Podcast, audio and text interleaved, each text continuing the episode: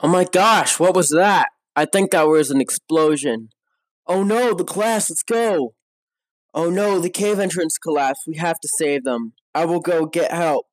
No, the nearest ranger station is five miles from here. They'll run out of oxygen by then. What are we gonna do? I have a plan. Cassandra, get me some tree branches, okay? Marcy, get something we can use as wood. On it.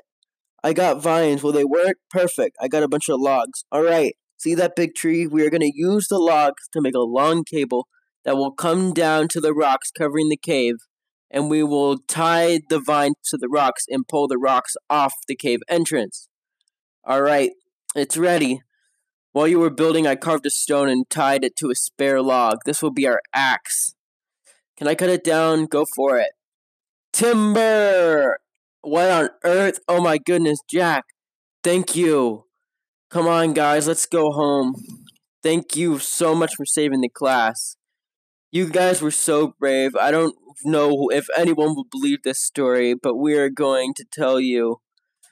But we're going to tell my coworkers about it, and you can maybe even get on the news. All right, good job, guys.